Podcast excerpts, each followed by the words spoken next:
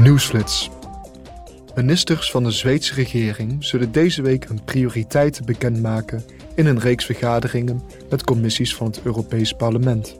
Zweden neemt het voorzitterschap van de Raad van de Europese Unie voor het komende half jaar over tot eind juni 2023.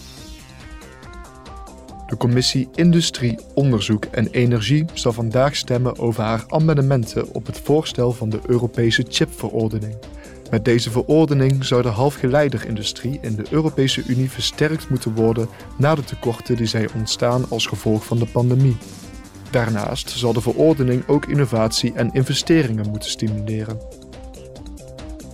Verder verwelkomen de parlementsleden vandaag de bedenkers achter het geslaagde burgerinitiatief Red de bijen en de boeren. Het initiatief beoogt synthetische bestrijdingsmiddelen in de landbouw tegen 2035 uit te verseren, de biodiversiteit te herstellen en boeren bij deze transitie te ondersteunen.